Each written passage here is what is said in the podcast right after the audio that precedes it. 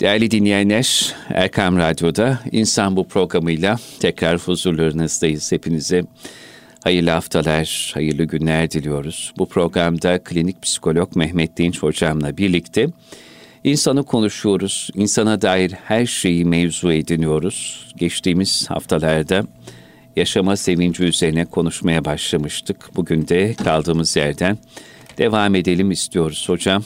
Hayırlı günleriniz, hayırlı, hayırlı günler. haftalarınız olsun efendim. Bütün dinleyicilerimize hayırlı haftalar olsun. Bugün okula başlayan yavrularımıza evet. Rabbim gönül ferahlığı versin, Amin. zihin açıklığı versin, Amin. iyi insanlarla karşılaştırsın. Amin.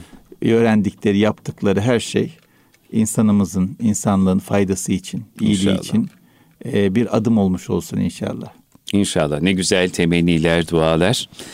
Bütün genç kardeşlerimize ve yine birbirinden kıymetli fedakar, cefakar, kıymetli muallimlerimize yeni eğitim öğretim yılında hayırlar diliyoruz, muvaffakiyetler diliyoruz. İnşallah memleketimizin hayrına e, güzel işler yapmalarını temenni ediyoruz. Şimdi yaşama sevincinde konuştuğumuz ilk insan bu programından sonra e, birçok programımızdan e, sonra olduğu gibi güzel e, tebrikler, teşekkürler, telefonları aldık bu programa ulaşmak isteyen dinleyicilerimiz oldu. Erkamradyo.com internet sitemiz üzerinden ki internet sitemize atılan programlar aynı zamanda podcastlerde de Erkam Radyo'nun podcast sayfalarında da yayınlanıyor. Oradan ulaşabilirsiniz. Ve bu konuya devam edelim istedik bugün. Yaşama sevincini koruyan hususiyetler üzerine konuşalım. Hı hı. Evet bir yaşama sevincini evet. Diyelim içimizde çoğaltıyoruz ama bunu koruyabilmek daim e, o yaşama sevincini hayatımızda hakim kılabilmek için nelere dikkat etmek lazım? Yaşama sevincini koruyan hususiyetler neler diye sormak istedim evet, size. Bu çok önemli bir konu. Yani bununla alakalı psikoloji çok araştırmalar yapıyor. Hatta bu konuda yapılmış en önemli yakın zaman araştırmalarından bir tanesi İngiltere'de yapılmış. Evet. E, boylamsal bir araştırma e, ve 10-20 yıl sürüyor. 2002'de başlıyor, 2022'de bitiyor. Bu araştırma 11 bin kişi üzerine yapılıyor. Hı hı. 50 yaşın üzerindeki 11 bin kişiyle. Ve şu bulunuyor.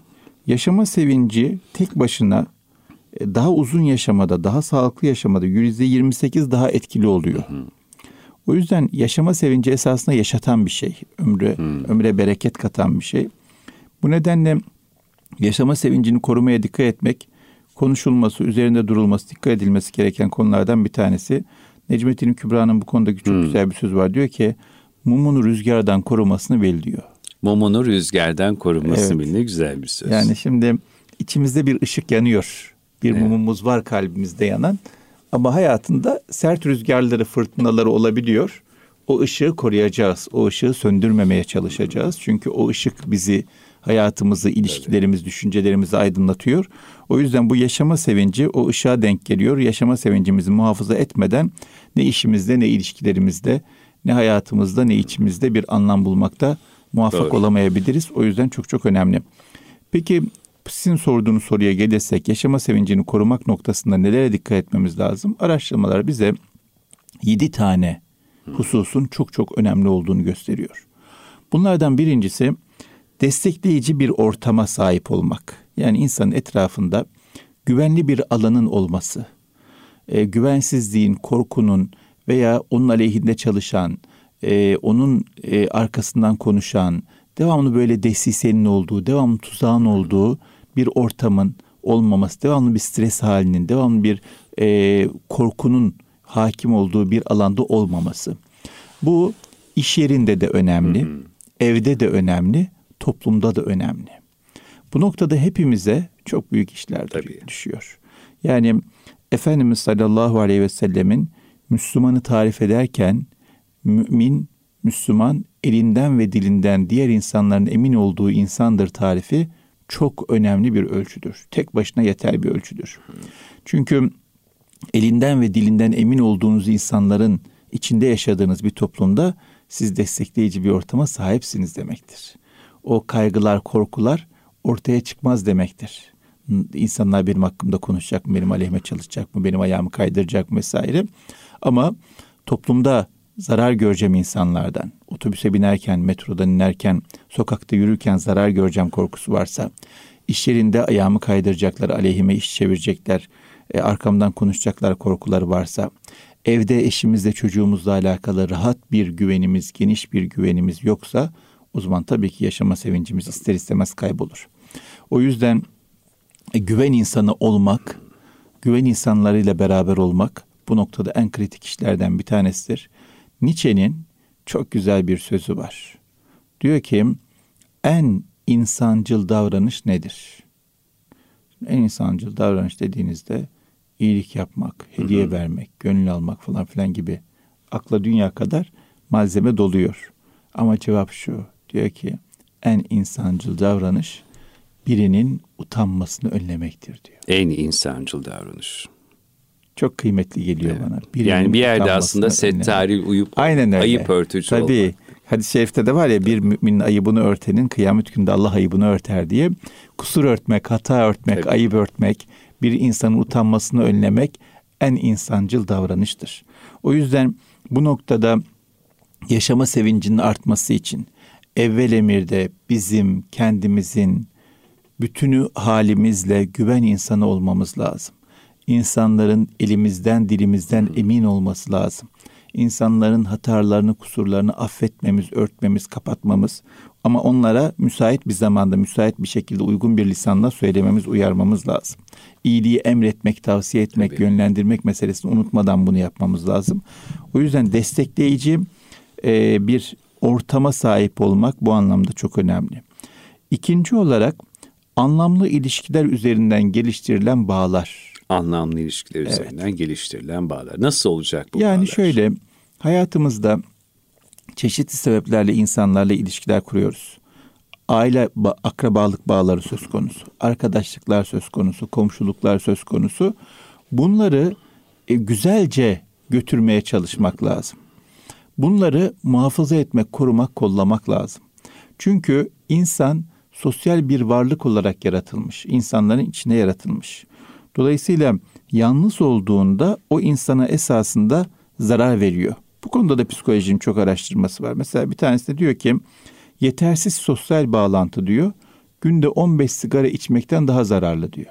Yetersiz sosyal evet, bağlantı. Yani günde 15 e, sigara içen insanın sağlığı ne kadar bozuksa yeterli sosyal bağ kuramayan, ilişki kuramayan, derinlikli ilişki kuramayan insan ondan çok daha fazla zarar görüyor. Çok daha fazla sağlık problemi yaşayabilir diyor.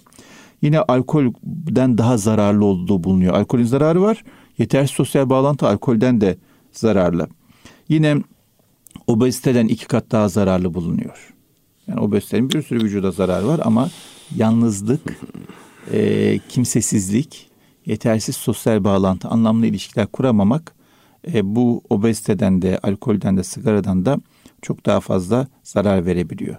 Bu nedenle ilişkilerimizi muhafaza etmemiz, kolayına vazgeçmememiz insanlardan, hmm. kolayına herkesi cezalandırmamamız, bağlarımızı kopartmamamız, küsmememiz vesaire gibi hususlara çok dikkat etmemiz gerekiyor. Yani Allah Teala nasip etmiş bir ailenin içine doğmuşuz. Beğeniriz, beğenmeyiz ama annemiz, babamız, kardeşimiz, arkadaş, akrabamız, amcamız, teyzemiz, halamız, dayımız var. İlişkiyi muhafaza etmek çok önemli. Çok derinleştirmeye müsait değil. Tam olduğu gibi kalsın o zaman ama kalsın yani koparmamak lazım. Fakat diğer yandan da başka kanallardan derinlikli ilişki konusunda beslenmek lazım. Yani aileden yana çok içimizin rahat edeceği bir imkanımız olmadı. Ya da akrabadan yana olmadı. Allah saklasın inşallah olur. İnşallah. Ama telafi etmek için, ihtiyacımızı karşılamak için sadık, derinlikli, sahici dostluklar kurmamız, arkadaşlıklar kurmamız çok kritik öneme sahip. Dolayısıyla anlamlı ilişkiler kurup oradan beslenmek yaşama sevincini arttıran çok önemli noktalardan bir tanesi. Tam tersi de yaşama sevinci için büyük bir tehdit olarak karşımızda duruyor. Üçüncü olarak günlük yaşamın içerisinde anlam bulmak çok önemli. Hocam insan günlük yaşamın içerisinde nasıl anlam bulur? Nelerden anlam bulur? Anlam hikayesi üretir evet, kendine. Bu, bu çok önemli bir soru. Çünkü biz geleceğe dönük bakıyoruz ya evet. da ayda yılda bir yaptığımız işlerde çok büyük anlamlar arıyoruz. Halbuki gün içerisinde yaptığımız her işte bir güzellik, bir anlam bulabiliriz. Bir insana gülümsemekte bir anlam bulabiliriz. Bir insana selam vermekte bir anlam bulabiliriz. Bir insana yardım etmekte bir anlam bulabiliriz. Ya da hali hazırda ne iş yapıyorsak, e, iş yerimizde işimizi yaparken, insanlara hizmet sunarken ondan bir anlam bulabiliriz.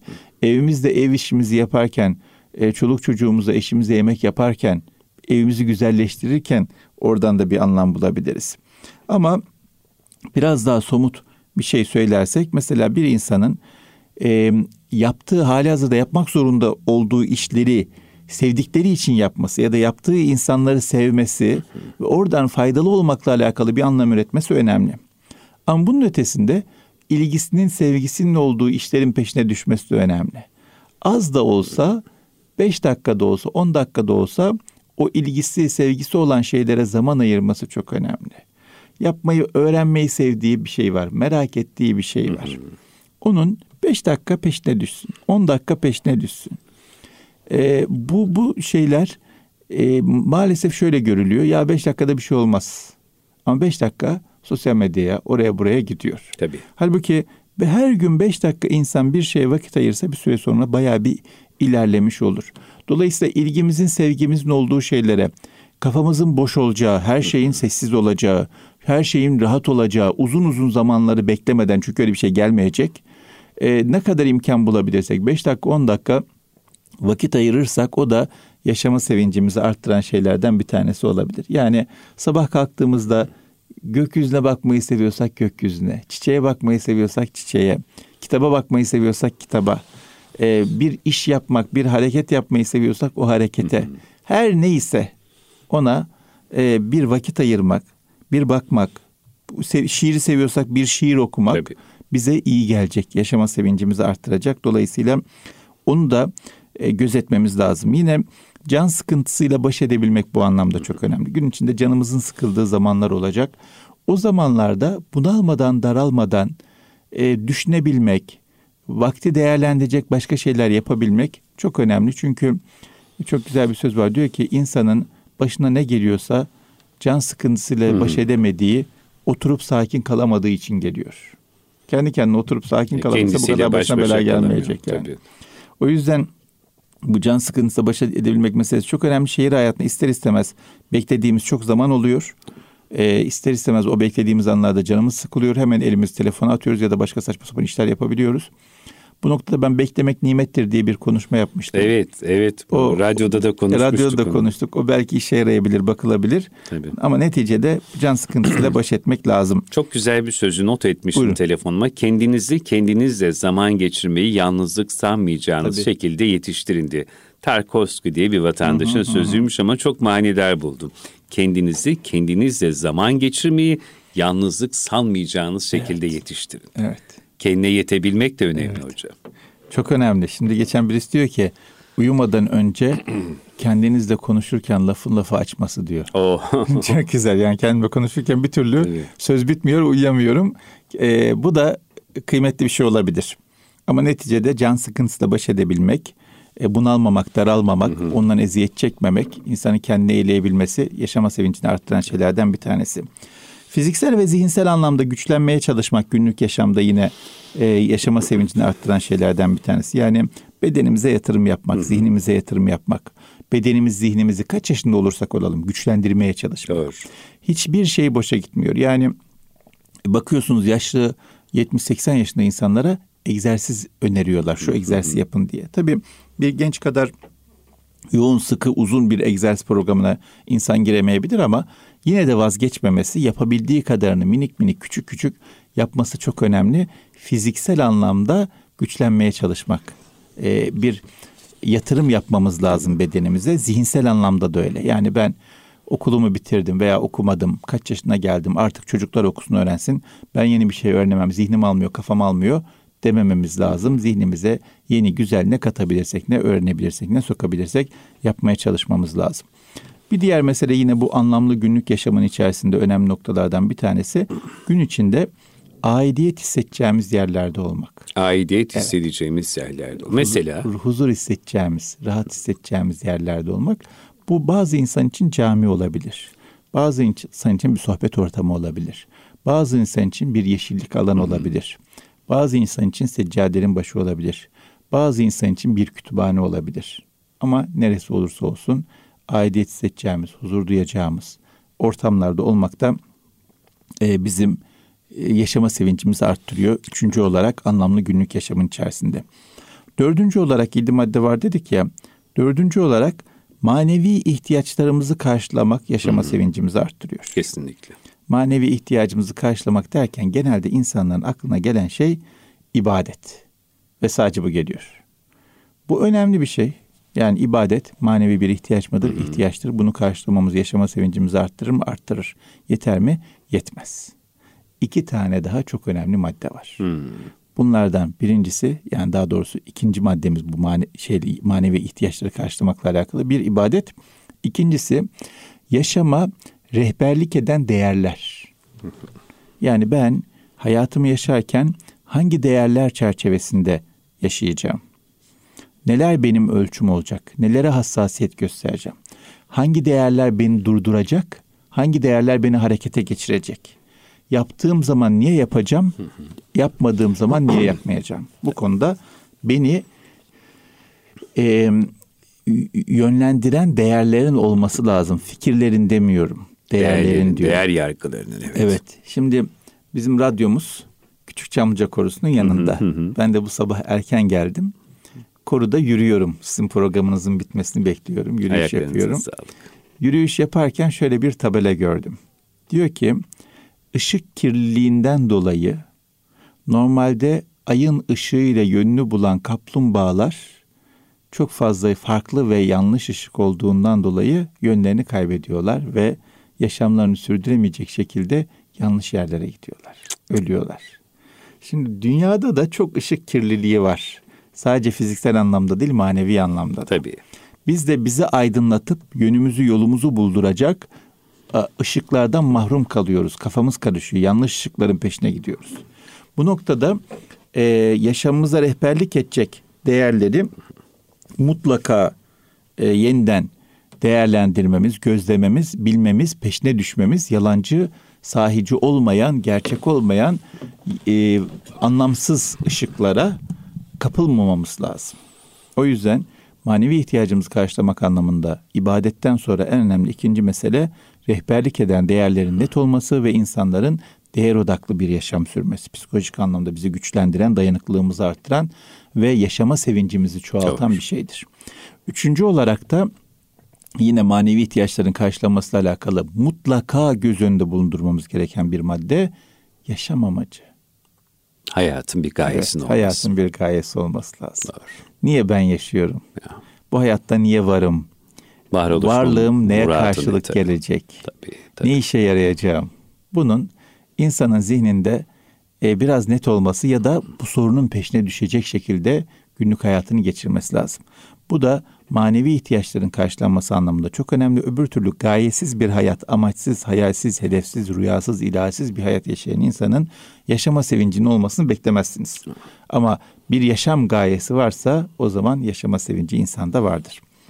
Dördüncü olarak yaşama sevincini koruyan, arttıran faktörlerden bir diğeri de insanın iradeye sahip olması, kişisel kontrole sahip olması. Bu noktada seçenek yoksa irade yok zaten mecburiyetten yapıyor bazı şeyleri. Seçenekler olduğu halde, doğru yanlış tercihler olduğu halde insanın doğruyu seçebilmesi, doğruyu seçecek güce sahip olması, devamlı yanlışa gidip sonra pişman olmak, kendini suçlamak, özgüvenini kaybetmek gibi şeylere e, bulaşmaması veya bunların çok olmaması yaşama sevincini arttıran önemli noktalardan bir tanesi. E, bu noktada da insanın kendini zorlaması gerekiyor. Kendini bir terbiye etmesi gerekiyor. Tabii. Zaten insan e, en keyif aldığı anlara bakıldığında kendini bir noktada potansiyelini zorladığı anlar olarak görür. O yüzden insanın kendini, fre, kendini frenlemesi yanlış işler konusunda e, ve doğru işler konusunda da kendini itmesi, zorlaması insana çok iyi gelen bir şey. Çok faydalı olan bir şey. Yaşama sevincini arttıran bir şey. O yüzden temelde meselelerimizden bir tanesi, en önemlilerinden bir tanesi bu kendi kontrol meselesidir. Hmm. Buna da dikkat etmek lazım. Bir diğer mesele değişimlere adapte olabilmek meselesidir. Bu dünyada kontrol edemediğimiz çok fazla değişken çok, var. Çok. Ve hayatımızda sevelim sevmeyelim, isteyelim istemeyelim çok fazla değişim olacak. Bu değişimlerle kavga etmek, direnmek yerine adapte olabilmek, teslim olabilmek, tevekkül edebilmek en kritik öğrenilmesi gereken e, kıymetli becerilerden, değerlerden bir tanesi. Bu konuda çok güzel bir söz var. Diyor ki anladım beyhudeymiş fazlaca tedbir eylemek bir kulun kârı değil takdiri tebdil eylemek. Yani biz tabii ki muhakkak tedbir alacağız ama her taraftan tedbirler alıp ondan sonra takdire rıza göstermemek, takdiri değiştirmeye çalışmak çok mümkün şey bir şey değil. O yüzden değişimlere uyum sağlamak çok önemli. Kapımızın kilidi var. Bir tane kilitliyoruz eyvallah. Ama kapıyı baştan aşağı 20 tane, 30 tane, 40 tane kilit yapsak, camları hep kilit çaksak bu yaşanılır bir hayat olmaktan çıkıyor. Hayatta kontrol edemediğimiz şeyler var. Bu kontrol edemediğimiz şeylerin farkında olacağız ve değişime teslim olup adapte olacağız. Kontrol edemediğimiz şeylerle alakalı. Kontrol edebildiğimiz şeylerle alakalı zaten bahsettik. İrademizi hı hı. kullanıp kendimizi kontrol etme gücünü kullanıp kendimize söz geçirmeye gayret edeceğiz. Son olarak da yine yaşama sevincimizi arttıran önemli noktalardan bir tanesi kaygıları kontrol etmek meselesi. Yani ister istemez kalbimize korkular da olacak, endişelerimiz olacak. E, bu kaygılarımızı, endişelerimizi kontrol edebilirsek, bir kıvamda tutabilirsek ne ala ama kontrol edemezsek, devamlı böyle içimiz pırpır atarsa, hep felaket düşünürsek orada sıkıntı var. O yüzden e, bir güven içinde olmamızda hı hı. fayda var. Geçenlerde bir hadis-i şerif okudum. Affedersiniz bir güzel söz okudum. Hadis-i şerif değil. Diyor ki e, Allah'a suizanda bulunmaktan sakının. Allah'a suizanda bulunmak devamlı başıma bir bela gelecek. İşlerim ters gidecek. Kötü şeyler olacak korkusuyla yaşamaktır. Yani Allah kuluna hayır murad eder. Dünya kadar nimet vermiştir zaten. Tabii. Ama böyle hep böyle tetikte hep sıkıntı olacak, hep felaket gelecek gibi düşünmek Allah'a suinizdan etmektir diyor o sözde. O yüzden e, bu noktada kaygıları kontrol etmeye çalışmak çok kritik neden meselelerden bir tanesi. Belaya, musibete e, çok davetiye çıkartmamak lazım. Doğru. Bela ağızdan çıkan söze bağlıdır evet. vefasınca. Yani hakikaten o dilimizin terbiyesi de bu manada önem arz çok önemli. bu konuda. Ne dediğimiz Hı. çok belirleyici. çok belirleyici. Ee, çok güzel bir tane hikaye vardır. Adamın bir tanesi ağır bir işte çalışıyormuş. Demiş ki ya demiş. Hı. Üç, üç lokma tayin için demiş ne evet. kadar çalışıyoruz demiş. Allah'ım demiş ya. Yorulmadan üç lokma tayinimi alacağım bir şey bana nasip et demiş. Sonra adamı bir iftira atmışlar, hapse atmışlar. Sabah akşam, öğle akşam üç tayin veriyorlarmış buna. Ama hapiste ya, yani. Özgürlüğün. O yüzden ne istediğimize, ne dediğimize çok dikkat etmek lazım. Çok. E, hep böyle kaygı, endişe, kötülük düşünmemek lazım. Ama bazen bu dönemin en büyük hastalıklarından bir tanesi kaygı bozuklukları.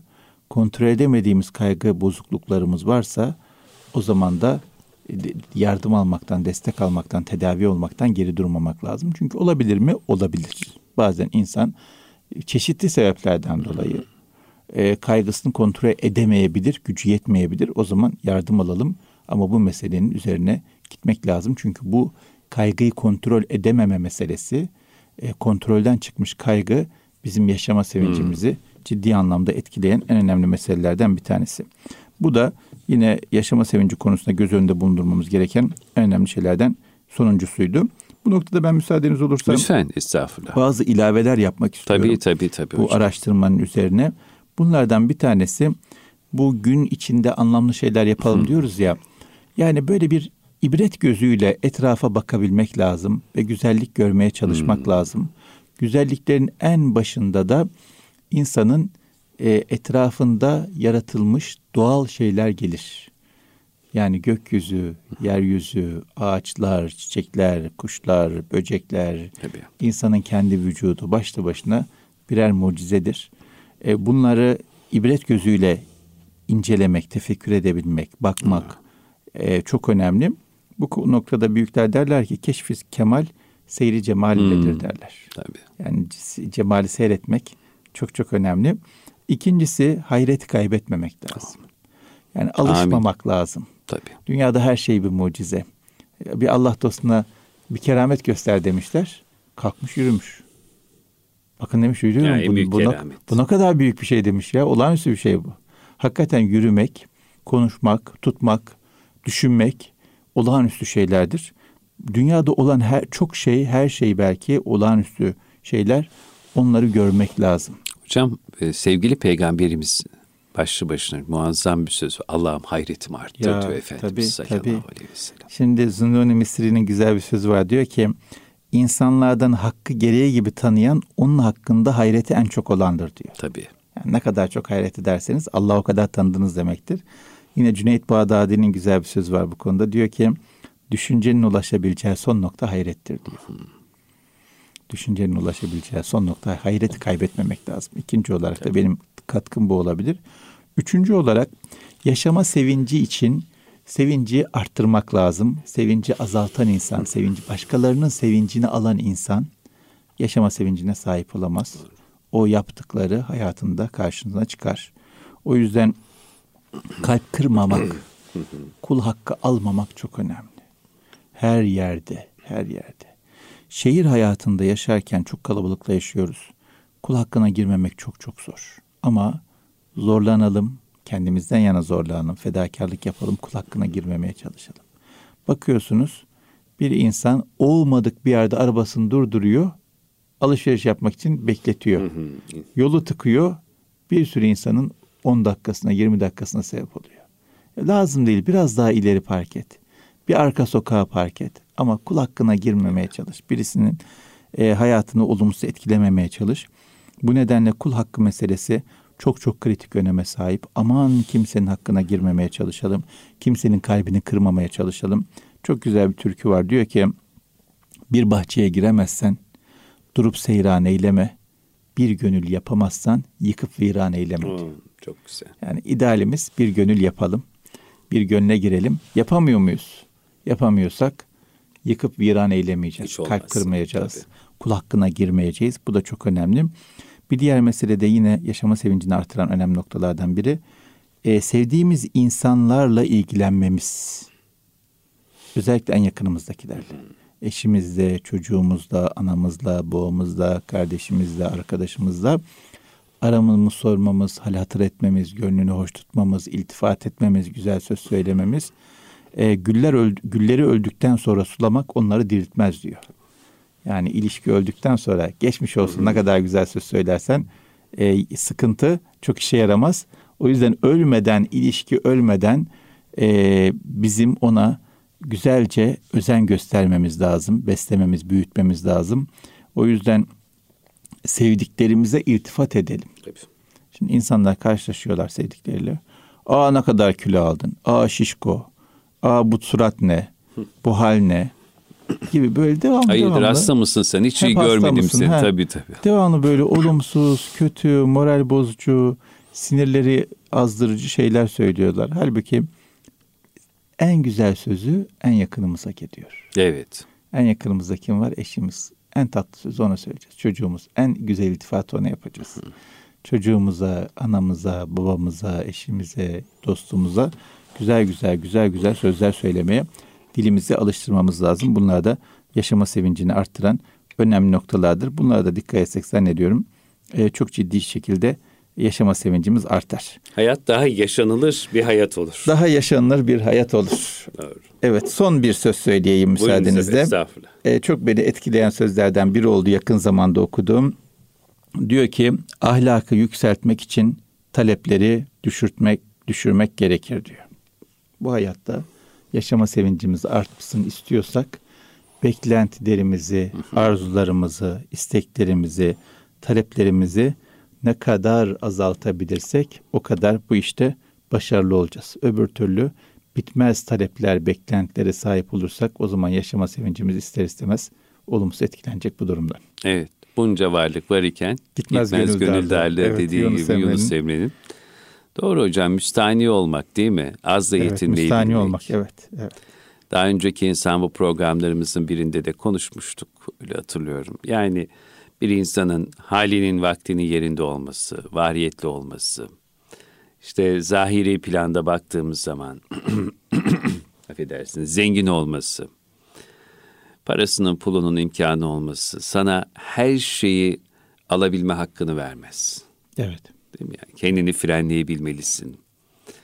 Ee, başkalarının halinden anlayıp, onların haliyle hallenip, derdiyle dertlenip, bir başkası için ne yapabilirimin derdine düştüğün zaman aslında o cebindeki para ebediyen senin olabilecek demektir. Yani kıymet kazanacak demektir. O da çok önemli. Başkasının derdiyle dertlenmek. Yoksa dünyalar senin olsun ama kimseye bir faydan yok. Kimsenin yaşama sevincini arttıracak bir Zehir adım olur. atma. Zehir olur, dert olur, yük Hakikaten olur. öyle. Evet. Çok teşekkür Ben ederiz teşekkür hocam. ederim efendim. Hayatımıza böyle çok güzel rehberlik edecek, yol gösterecek, yaşama sevincimizi inşallah daha böyle güzel kıvamlara getirecek hatırlatmalarda bulundunuz. Değerli dinleyenlerim, Erkam Radyo'da İnsan Bu programında klinik psikolog Mehmet Dinç hocamla birlikteydik. Yaşama sevincinizin daim olacağı günler, haftalar diliyoruz hepinize. Haftaya da aynı saatlerde tekrar yine Erkam Radyo'da birlikte olabilmek dileği ve duasıyla. Allah emanet olun, kulağınız bizde olsun.